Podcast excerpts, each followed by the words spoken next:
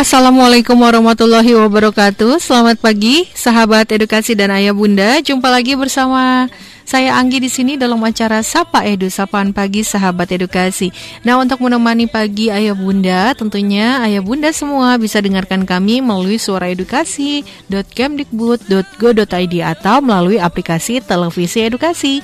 Dan tentunya Ayah Bunda juga bisa loh download podcast program acara Suara Edukasi melalui aplikasi Spotify. Baik Ayah Bunda, tetap bersama kami di sini karena setelah yang berikut ini kami akan segera kembali. Ayah Bunda pagi ini apa kabar? Mudah-mudahan ayah bunda dan sahabat kecil edukasi semua selalu dalam keadaan sehat walafiat ya. Dan yang pasti tentu ayah bunda harus terus mengingatkan si kecil untuk selalu menerapkan protokol kesehatan di mana pun berada. Seperti misalnya menjaga jarak, memakai masker dan mencuci tangan ini adalah hal wajib ketika kita berada di luar rumah ya ya Bunda.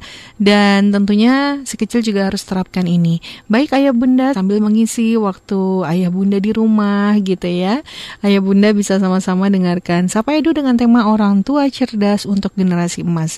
Dan pastinya untuk Ayah Bunda yang mau mendengarkan kami terus melalui streaming bisa di suaraedukasi.kemdikbud.go.id atau melalui aplikasi televisi edukasi. Ayah bunda, keluarga merupakan tempat pertama dan utama untuk menyiapkan anak-anak yang tentunya berkualitas nantinya ke depan untuk menjadi generasi emas selanjutnya. Nah, keluarga adalah sekolah pertama bagi anak-anak untuk menumbuhkan sifat peduli dan juga karakter yang kuat. Oleh karena itu, kita harus menjadi orang tua yang bijaksana dan cerdas untuk mengantarkan putra-putri kita menjadi generasi emas bagi bangsa dan negara. Nah, apalagi uh, seperti sekarang ya ya Bunda. Jadi dalam pembelajaran jarak jauh tentunya kita dituntut untuk menjadi orang tua yang kreatif.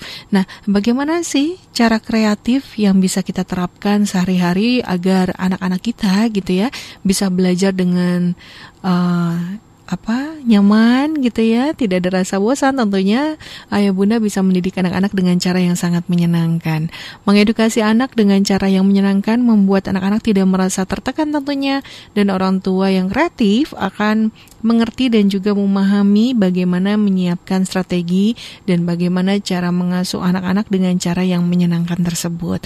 Nah, untuk itu, ketika kita bercita-cita uh, supaya anak kita menjadi generasi emas selanjutnya, begitu ya, tentunya kita harus menjadi orang tua yang kreatif dalam membimbing dan juga mengedukasi anak-anak kita di rumah. Baik ayah bunda, setelah yang berikut ini Sapa Edo akan segera kembali, jadi tetap bersama kami ya. Kembali bersama Sapa Edo ya bunda, pastinya hanya di suara edukasi akrab dan mencerdaskan. Ketika bicara tentang harapan ayah bunda agar anak-anak kelak menjadi generasi emas yang tentunya uh, diharapkan semua orang tua, jadi di sini generasi, generasi emas yang disebut adalah berkarakter generasi emas begitu ya. Dan harusnya eh, anak-anak uh, yang akan menjadi generasi emas selanjutnya diharapkan bisa memiliki sikap positif, kemudian pola pikir yang uh, imajinatif gitu ya. Dan juga tentunya mempunyai karakter yang baik. Nah, Ayah Bunda, ketika Ayah Bunda melaksanakan pendidikan kepada anak, tentunya perlu terus dilakukan dengan pembicaraan yang membiasakan hal-hal baik serta tauladan atau contoh baik dari para orang tua yang diawali dalam kehidupan sehari-hari di rumah. Misalnya seperti halnya melakukan ibadah sholat gitu ya. Nah dari sini kan anak-anak melihat dan akan mencontoh kalau sholat itu wajib dan harus kita lakukan. Insya Allah ke depannya ketika si anak melihat contoh yang baik akan melakukan juga. Nah kemudian ayah bunda orang tua juga harus mengerti uh, karena orang tua sadar gitu ya akan peran anak bagi keluarga dan juga bangsa. Orang tua yang sadar akan melakukan pendekatan komunikatif dan juga kreatif dalam mendidik anak. Nah, pendekatan ini bisa disebut juga atau disingkat dengan kata apa, yaitu arahan, pilihan dan alasan.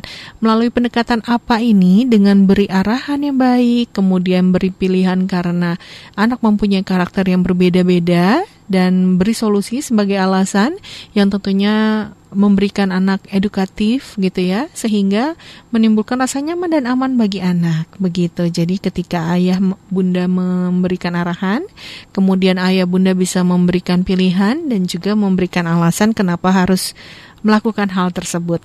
Baik ayah bunda, setelah yang satu ini kita akan kembali dan tentunya ayah bunda harus tetap bersama kami dalam acara Sapa Edu. Ayah bunda tentunya berharap ingin sekali menjadi orang tua yang cerdas agar anak-anak ke depannya bisa menjadi generasi emas selanjutnya yang tentunya ber berkarakter yang baik. Nah sudah hampir dua tahun lamanya ya kita mendampingi anak-anak kita untuk belajar dari rumah tapi tidak semudah membalikan telapak tangan ya ayah bunda menjadi guru dadakan itu wah sangatlah tidak mudah. Tapi tentu orang tua sudah memberikan yang terbaik untuk anak-anaknya dan bila memang anak sedang dalam keadaan tidak mau mengerjakan tugas sekolah misalnya, mungkin ayah bunda bisa mengajak anak-anak untuk belajar sambil bermain. Jadi nantinya ayah bunda dan anak bisa uh, belajar gitu ya sambil diselingi oleh kegiatan-kegiatan yang tentunya tidak membuat si anak menjadi cepat bosan begitu ayah bunda ya. Dan tentunya menjadi orang tua itu harus benar-benar kreatif ya ayah bunda. Agar apa?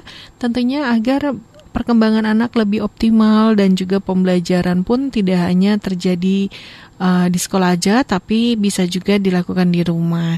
Banyak sekali metode-metode pembelajaran yang bisa ayah bunda lakukan di rumah dan tentunya ayah bunda kan yang lebih tahu nih sifat anak-anak ayah bunda, kemudian bagaimana cara mengatasinya ketika si anak moodnya lagi gak baik atau gak bagus gitu ya. Dan mudah-mudahan semua ini uh, ada hikmahnya. Pembelajaran dari rumah sudah cukup lama sekali dan tentunya yang paling terasa adalah kita menjadi lebih dekat dengan anak-anak kita. Baik ayah bunda, setelah yang berikut ini Sapa Edu akan segera kembali. Kembali bersama Sapa Edu, pastinya hanya di suara edukasi akrab dan mencerdaskan. Ayah bunda, pendidikan karakter adalah konteks yang terpenting saat ini ya, karena karakter adalah sebuah kata yang tidak terdengar asing dan karakter ini merupakan uh, sesuatu yang bisa dilakukan ayah bunda atau diterapkan kepada si kecil dalam bentuk perilaku dan juga kebiasaan yang tentunya dapat menjadi jati diri si kecil nantinya. Nah, karakter ini tentunya terbentuk pertama kali di dalam keluarga di mana uh, ayah bunda mendidik anak-anak dan juga mengajarkan nilai-nilai untuk pertama kalinya. Selain dari keluarga, terdapat beberapa hal yang mempengaruhi karakter seseorang, misalnya seperti pendidikan agama, yang tentunya mengatur seluruh tata cara perlakuan anak nantinya gitu ya. Kemudian lingkungan yang dimulai dari pertemanan atau lingkungan sekitarnya serta sekolah yang merupakan lembaga formal dalam pembentukan karakter dan juga jati diri anak-anak nantinya untuk ke depan. Nah, kemudian tentunya sebagai orang tua kita harus berperan dan juga mengembangkan uh, kecerdasan anak kita gitu ya. Karena anak-anak kita ini kan kita yang tahu ya ayah bunda. Jadi tentunya kita harus menjadi orang tua yang lebih cerdas lagi harus menjadi orang tua yang lebih kreatif lagi terutama pada masa pandemi saat ini banyak sekali hal-hal yang bisa kita lakukan di rumah ketika kita sudah udah mulai stuck ya bunda atau pusing aduh pakai acara apa lagi nih untuk membangun atau supaya si kecil tuh moodnya bisa kembali lagi ceria misalnya atau motivasi belajarnya kembali lagi begitu ya. Jadi emang benar-benar kita harus menjadi orang tua yang sangat kreatif. Tidak hanya anak yang harus dikembangkan kreativitasnya, tentunya sebagai orang tua juga harus lebih kreatif ya ayah bunda. Baik ayah bunda, yang berikut ini Sapa Edu akan segera kembali. Ayah bunda, keluarga merupakan tempat pertama dan utama untuk menyiapkan sumber daya manusia tentunya yang berkualitas. Begitu juga anak-anak kita nanti dan pastinya ayah bunda ingin sekali anak-anak kita ke depannya menjadi generasi generasi emas. Nah, untuk itu kami sudah bersama psikolog anak yang selalu menemani pagi ayah bunda bersama Sapa Edu ada Kak Fabiola Priscila dan kita akan sama-sama membahas tentang orang tua cerdas untuk generasi emas. Halo Kak, Assalamualaikum. Waalaikumsalam warahmatullahi wabarakatuh, Kak Iya, senang sekali berjumpa dengan Kak Fabiola dan senang sekali kita pagi ini bisa berbincang kembali ya Kak ya. Bagaimana kabarnya Kak? Alhamdulillah sehat. Kak Anggi sehat terus ya. Oke, baik. Uh, Kak Fabiola bisa dengar suara aku dengan jelas kan ya? Bisa. Oke. Okay. Iya, dan tentunya bicara tentang cara cerdas orang tua agar dapat mendidik anak-anak menjadi generasi yang bermanfaat ke depannya tentu merupakan hal yang tidak mudah ya Kak ya. Dan pastinya ayah bunda ini PR kita bersama ya ya Bunda. Bagaimana caranya kita uh, mendidik anak-anak kita supaya ke depannya menjadi anak-anak yang baik gitu ya, kemudian punya sikap yang baik dan apa sih kak ya. yang dimaksud dengan generasi emas ini? Iya, kalau yang dipahami generasi emas itu ya. sebenarnya generasi yang merupakan perintis perubahan yang membawa perubahan pada kehidupan dan peradaban bangsa yang lebih baik. Mm -hmm. Yang disebut dengan generasi emas. Iya, baik. Nah, kemudian apa yang harus kita perhatikan nih Kak untuk menjadi orang tua yang cerdas agar kelak kita bisa mendidik anak-anak kita dengan baik dan tentunya orang tua menginginkan anak-anaknya ke depannya bisa menjadi generasi emas selanjutnya. Ya, jadi kan ini mengacu pada tahun 2045 ya, mm -hmm. generasi emas itu ya. Mm -hmm. Jadi anak-anak kita yang usianya sejak 0 sampai uh, eh, 9 tahun ya kan. Mm -hmm. Jadi nantinya tuh benar-benar usia produktif. Dengan nyadar bahwa ah, ini benar-benar golden moment banget ya mm -hmm. apa yang dilakukan pada anak itu memberikan jejak yang luar biasa pada mereka nanti. Nah, dekat dengan kesadaran yang tinggi itu maka setiap perilaku orang tua mulai saat ini akan menjadi pemikiran dulu gitu sebelum uh, apa dilakukan. Nah, jadinya uh, harus melakukan pola pengasuhan yang cerdas ya, tidak hanya mengikuti pola pengasuhan kita yang zaman dulu yang mungkin sudah tidak relevan lagi untuk diterapkan di zaman sekarang.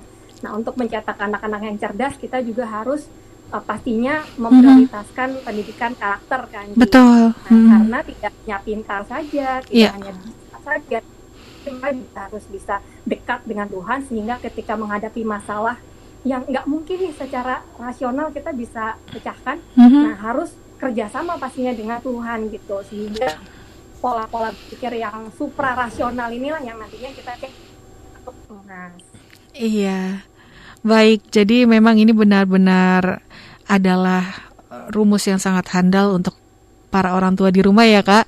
Jadi kalau apalagi Iya betul.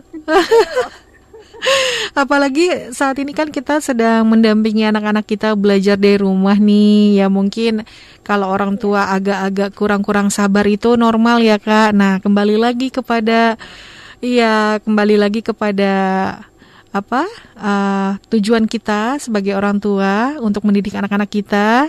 Jangan lupa ketika kita sabarnya sudah mulai tidak terkendali, uh, boleh curhat sama Allah ya kak. ya itu adalah salah satu cara untuk kita bisa kembali sabar lagi mendampingi anak-anak kita. Nah, kemudian hal-hal apa saja sih Kak yang harus dilakukan untuk mewujudkan generasi emas nih bagi para orang tua? Silakan. Ya, Kak Fabiola. Ya, mm-hmm. ya, ya Kang Iya, silakan Kak. Uh, apakah jelas? Iya.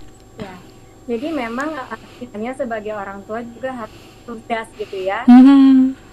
Jadi kita juga cerdas. Iya. Cerdas di sini artinya tidak hanya IQ yang tinggi, mm-hmm. dan uh, mm-hmm. Hati kita yeah. secara matang supaya mm-hmm. kita bisa menjadi panutan gitu. Mm-hmm. Karena banyak sekali uh, anak-anak yang sekarang juga kurang peka gitu ya kan mm -hmm. karena serba instan kan ya iya betul sekali nah, jadi harus bisa mengadakan olah hati gitu mm -hmm. bagaimana sikap kita mempengaruhi kehidupan orang lain seperti mm -hmm. itu ya kemudian juga uh, selain olah hati juga uh, menggunakan pola pikir yang lama bisa mm -hmm. inovatif harus bisa kreatif seperti itu mm -hmm. dan dan Kanggi anak sekarang harus mandiri nah gitu ya. mm -hmm. iya betul sekali anak-anak memang harus mandiri ya kak apalagi seperti saat ini tentunya orang tua harus lebih kreatif lagi untuk mendampingi anak-anak belajar di rumah karena gimana caranya kan supaya anak-anak nggak bosen belajarnya gitu ya. Kemudian juga anak-anak uh, gimana caranya supaya nggak terbebani dengan tugas-tugas yang banyak. Nah, kita sebagai orang tua tentunya bisa uh, menjelaskan kepada si kecil juga gitu ya, agar si kecil bisa terus semangat belajar uh, dan terus didampingi oleh ayah bunda di rumah. Baik, setelah yang satu ini kita akan kembali. Nanti kita lanjutkan lagi ngobrol-ngobrolnya bersama Kak Fabiola. Jadi ayah bunda tetap bersama kami dalam acara Sapa Edu. Kembali bersama Sapa Edu ayah bunda pastinya hanya di sore edukasi akrab dan mencerdaskan. Selamat bergabung kembali untuk Kak Fabiola Priscilla. Iya baik, uh, ayah bunda tentunya keluarga adalah sekolah pertama bagi anak-anak nih untuk menumbuhkan sifat uh, peduli dan juga karakter yang kuat. Nah, tadi Kak Fabiola juga sudah menjelaskan salah satu cara untuk mewujudkan agar anak dapat menjadi generasi emas ke depannya adalah dengan memberikan pendidikan karakter ya, Kak ya. Nah, bisa dijelaskan Kak, sebaiknya pendidikan karakter yang diberikan kepada anak uh, sesuai dengan jenjang usia itu seperti apa sih? Silakan. Ya, Ya, jadi memang yang tadi uh, belum sempat selesai ya. Jadi mm -hmm. empat olah yang harus kita lakukan dalam pendidikan karakter. Oke. Okay. Yang pertama pastinya olahraga ya. Mm -hmm. di dalam tubuh yang sehat pasti jiwa juga sehat. Oh iya nah, betul. Kemudian tadi olah pikir, mm -hmm. ya jangan sampai anak kita punya pikiran yang negatif, mm -hmm. positif, mm -hmm. uh, apa uh, solutif, mm -hmm. gitu ya. Kemudian juga olah hati. Ya, mm -hmm. jadi jangan sampai kita nggak peka sama perasaan orang lain, mm -hmm. tetap mengutamakan uh, bagaimana uh, sikap kita bisa membawa hal yang baik buat lingkungan kita. Dan terakhir olah rasa, mm-hmm. karena harus juga dilakukan dengan cara yang indah dan benar. Mm-hmm. Itu. Nah, apa sih yang harus kita masukkan nih dalam pendidikan karakter? Mm-hmm. Yang pertama pastinya religius ya, artinya yeah. uh, anak kita harus dekat dengan Tuhan gitu. Mm-hmm. Apalagi di zaman pandemi ini itu harus semakin kuat, semakin uh, bergantung gitu ya, dan pastinya dengan hubungan yang kuat kita mm-hmm. dapat lebih kuat dan juga lebih sabar seperti yeah. dalam menghadapi segala macam masalah kemudian juga uh, kita juga harus menanamkan sifat jujur nih kan gitu. Yeah. Kalau anak-anak balita itu kan uh. nyoba ya, nyoba bohong, nyoba-nyoba apa. Nah jangan di label bohong, tapi justru kita uh, tanamkan bagaimana cara bersikap jujur. Mm-hmm. Kemudian kita tuh hidup di Indonesia beragam banget. Uh, mm-hmm. dari mulai agama, budaya, Betul. kebiasaan, yeah. anak kita harus bisa toleransi mm-hmm. gitu. Karena uh, tidak boleh merasa diri sendiri yang benar seperti yeah. itu ya. Kita juga harus bisa menghargai. Dan yang paling penting di zaman pandemi ini disiplin kan gitu. Nah, itu dia. Kadang tuh gemes ya, kadang kurang gitu ya. Iya, gitu. betul. Anak-anak ya memang eh, nggak bisa diam, yeah.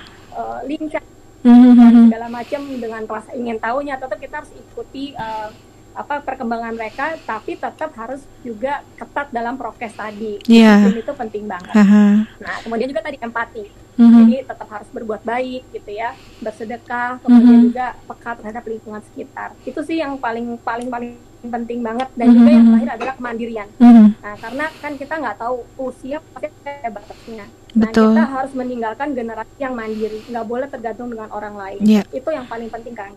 Iya. Yeah. Nah, pembelajaran jarak jauh seperti sekarang ini juga melatih anak-anak untuk lebih mandiri ya, Kak ya sebenarnya ya. Mm-hmm. Ya baik, contoh kegiatan seperti apa sih kak yang dapat orang tua lakukan nih agar anak-anak dapat menjadi generasi emas selanjutnya? Karena ini memang benar-benar adalah harapan uh, semua orang tua ya kak ya ketika uh, ke depannya gitu ya ingin sekali nih anak-anak mempunyai karakter yang baik, mempunyai anak yang cerdas begitu Kak. Silakan. Ya, Kanggi memang ini di awal kita harus sadar bahwa ini nggak mudah gitu ya, iya, ya apalagi betul.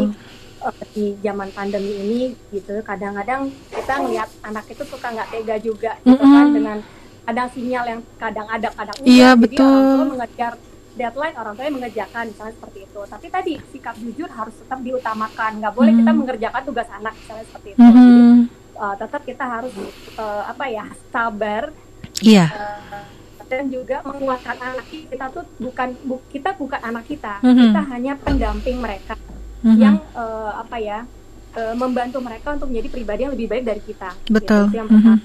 yang kedua tadi jadi uh, kalau anaknya udah bisa jangan sampai kita membantu mereka meskipun kita pengen karena lama gitu ya nah tetap mereka harus menghargai proses karena yeah. apa kan karena di zaman yang serba ini mm -hmm. apa pun cepet ya yeah. main game tiba-tiba udah menang gitu kan uh-huh. terus apa pun itu dibuat secara instan padahal anak-anak uh, yang menghargai proses mereka Betul. akan lebih uh, daya tahi gitu artinya mm -hmm. ketika nanti uh, mungkin menghadapi masalah, menghadapi mm-hmm. kekecewaan, bangkitnya tuh lebih cepat dibandingkan anak-anak yang terbiasa instan.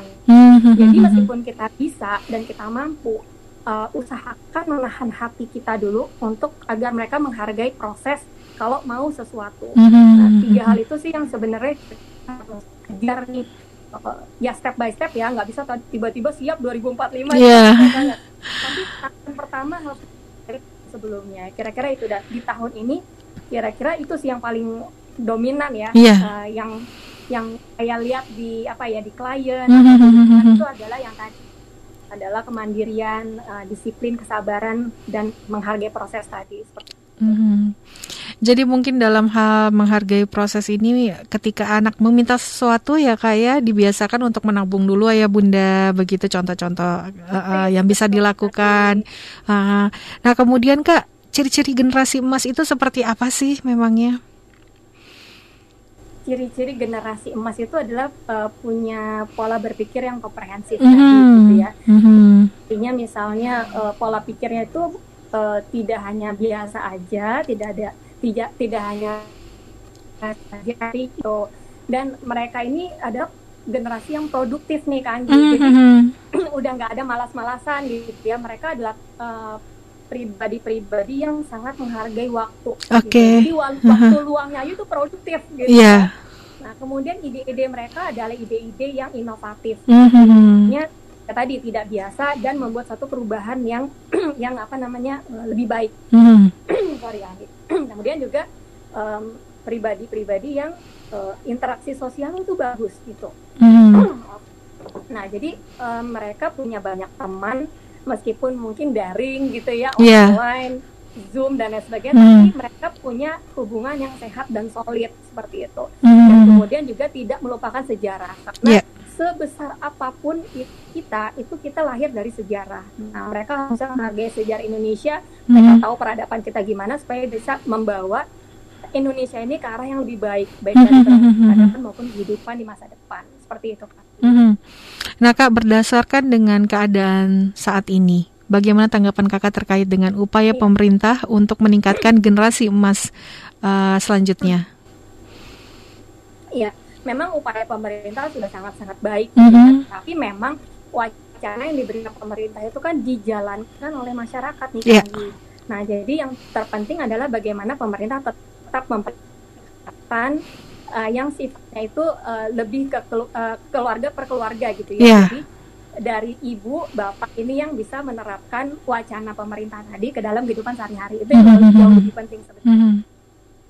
Iya, jadi memang dari lingkungan keluarga ya kak ya, karena memang sangat utama sekali ketika anak mendapatkan pendidikan pertama kali ya di lingkungan keluarga tadi ya ayah bunda ya.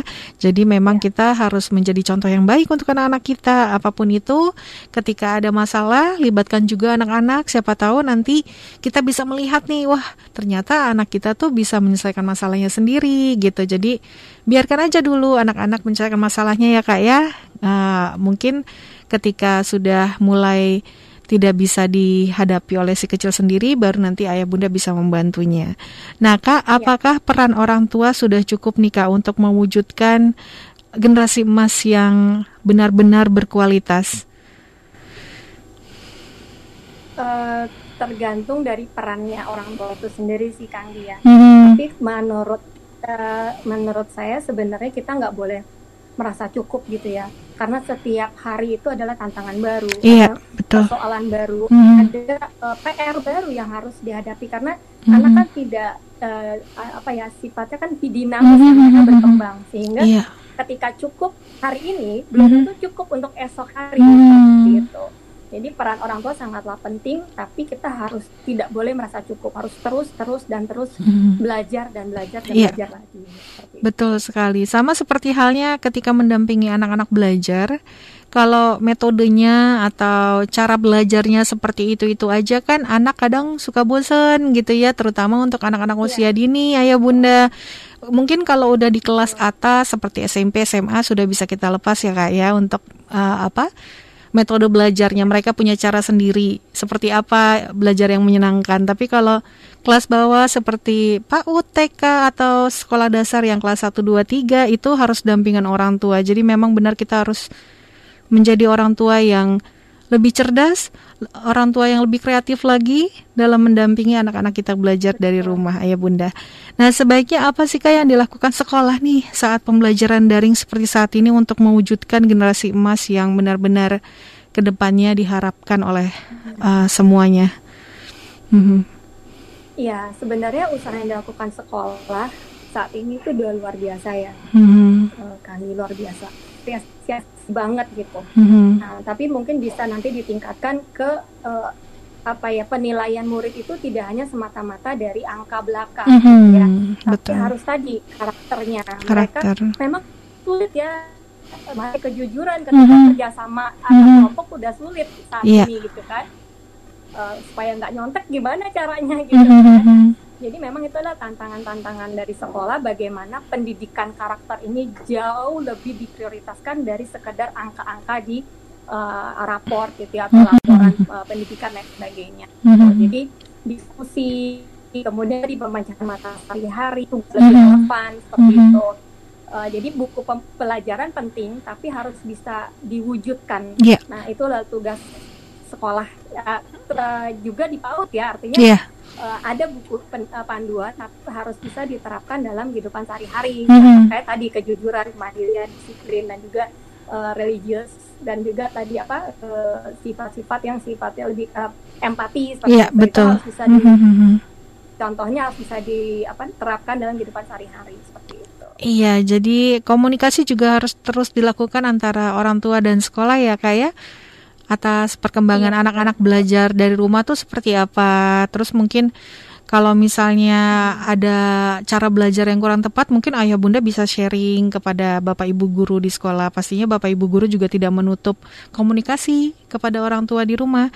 Baiklah terakhir pesan dan harapan terkait dengan tema kita pada hari ini, silakan. Iya, memang ha tema hari ini penting banget ya. Makanya uh, ketika membicarakannya tuh sebenarnya tidak seringan itu ya mm-hmm. uh, kita berusaha lebih menerapkannya yeah. ke dalam kehidupan sehari-hari. Betul. Jadi peran kita sebagai orang tua nih ya bunda itu sangat, sangat penting untuk memasuki masa dua pempanan mm-hmm. tadi gitu ya. Nah jadi per, uh, apa pesannya adalah smart, sabar, dan tadi selalu memperhatikan proses dibandingkan instan yeah. seperti itu. Baik, terima kasih Kak Fabiola. Mudah-mudahan kita bisa langsung praktek nih ya Bunda ya. Dan kita tentunya berharap sekali ke iya, depannya. Iya, betul. Kita menjadi orang tua yang lebih baik lagi ke depannya ya ya Bunda ya. Mudah-mudahan amin. Baik, terima kasih Kak Fabiola. Kapan-kapan kita ngobrol lagi dengan tema yang pastinya lebih menarik lagi ya Kak Fabiola. Sehat selalu untuk kakak dan keluarga. Terima kasih banyak. Baik ayah bunda, jangan ke mana-mana karena setelah yang berikut ini Sapa Edu akan segera kembali. Kembali bersama Sapa Edu ayah bunda, pastinya hanya di suara edukasi akrab dan mencerdaskan. Wah ya bunda, mudah-mudahan ke depannya kita bisa menjadi orang tua yang lebih baik lagi. Dan PR kita bersama adalah Menjadi orang tua yang kreatif juga bukanlah hal yang mudah ya ya bunda. Karena orang tua harus terus memutar otak nih. Memikirkan bagaimana lagi ya cara belajar agar menyenangkan gitu ya. Cara seperti apa lagi ya agar anak-anak bisa kita berikan pendidikan karakter sesuai dengan kepribadiannya begitu. Banyak sekali metode yang bisa ayah bunda terapkan di rumah. Ada juga metode bermain. Dalam metode ini adalah uh, orang tua bisa mengajak anak bermain sambil belajar. Dan tentunya ini adalah hal yang sangat menyenangkan bagi anak-anak. Supaya anak-anak juga nggak cepat bosan belajarnya ya ya bunda. Jadi kita harus tahu berapa sih kira-kira durasi anak uh, kita gitu ya bisa fokus belajar. 30 menit kah? Atau si anak mampu dalam durasi satu jam gitu ya. Tapi ingat dalam durasi tersebut tentunya ayah bunda juga bisa memberikan selipan-selipan atau mungkin selingan-selingan gitu ya uh, kegiatan yang menyenangkan. Misalnya ketika anak sedang uh, mengerjakan tugas dari bapak ibu guru, mungkin ayah bunda bisa mendampingi anak-anak dan mengatakan kalau misalnya sudah capek kakak boleh menggambar dulu gitu ya biar nanti diterusin lagi belajarnya. Atau mungkin kalau sudah capek kakak boleh kok ngemil dulu atau mau minum juga boleh seperti itu.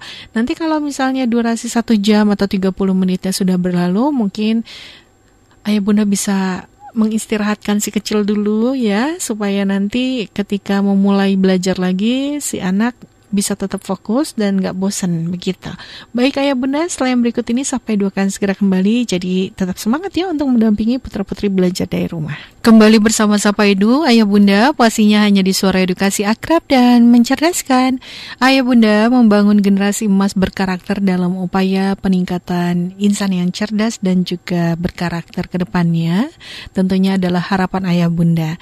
Nah, karakter adalah cara berpikir dan berperilaku yang menjadi ciri khas tiap individu untuk hidup dan juga bekerja sama baik dalam lingkungan keluarga, masyarakat, bangsa dan juga negara. Nah, individu yang berkarakter baik uh, ini adalah individu yang bisa membuat keputusan dan siap mempertanggungjawabkan setiap akibat dari keputusan yang ia buat. Dengan pendidikan karakter yang diterapkan secara sistematis dan juga berkelanjutan, seseorang atau seorang anak akan menjadi cerdas emosinya nantinya. Namun bagi sebagian keluarga barangkali proses pendidikan generasi emas berkarakter ini agak sedikit sangat sulit ya ya Bunda terutama bagi sebagian orang tua yang terjebak pada rutinitas yang padat misalnya ketika ayah bunda adalah ayah bunda yang bekerja begitu. Karena ini memang pendidikan karakter ini dibentuk ketika anak-anak mendapatkan pendidikan pertama yaitu dari rumah. Jadi bagaimana caranya pendidikan karakter ini dapat kita terapkan kepada anak-anak kita, kita bisa menjadi contoh baginya. Baik ayah bunda, tetap semangat untuk mendampingi selalu putra-putri belajar dari rumah dan pastinya harus terus selalu bersabar ya ya bunda. Sahabat edukasi dan ayah bunda, sampai di sini dulu perjumpaan kita dalam acara Sapa Edu dan semoga apa yang sama-sama kita pelajari hari ini dapat bermanfaat untuk kita semuanya ya bunda. Akhir kata, saya ucapkan terima kasih atas perhatiannya. Mohon maaf jika ada salah-salah kata. Wassalamualaikum warahmatullahi wabarakatuh.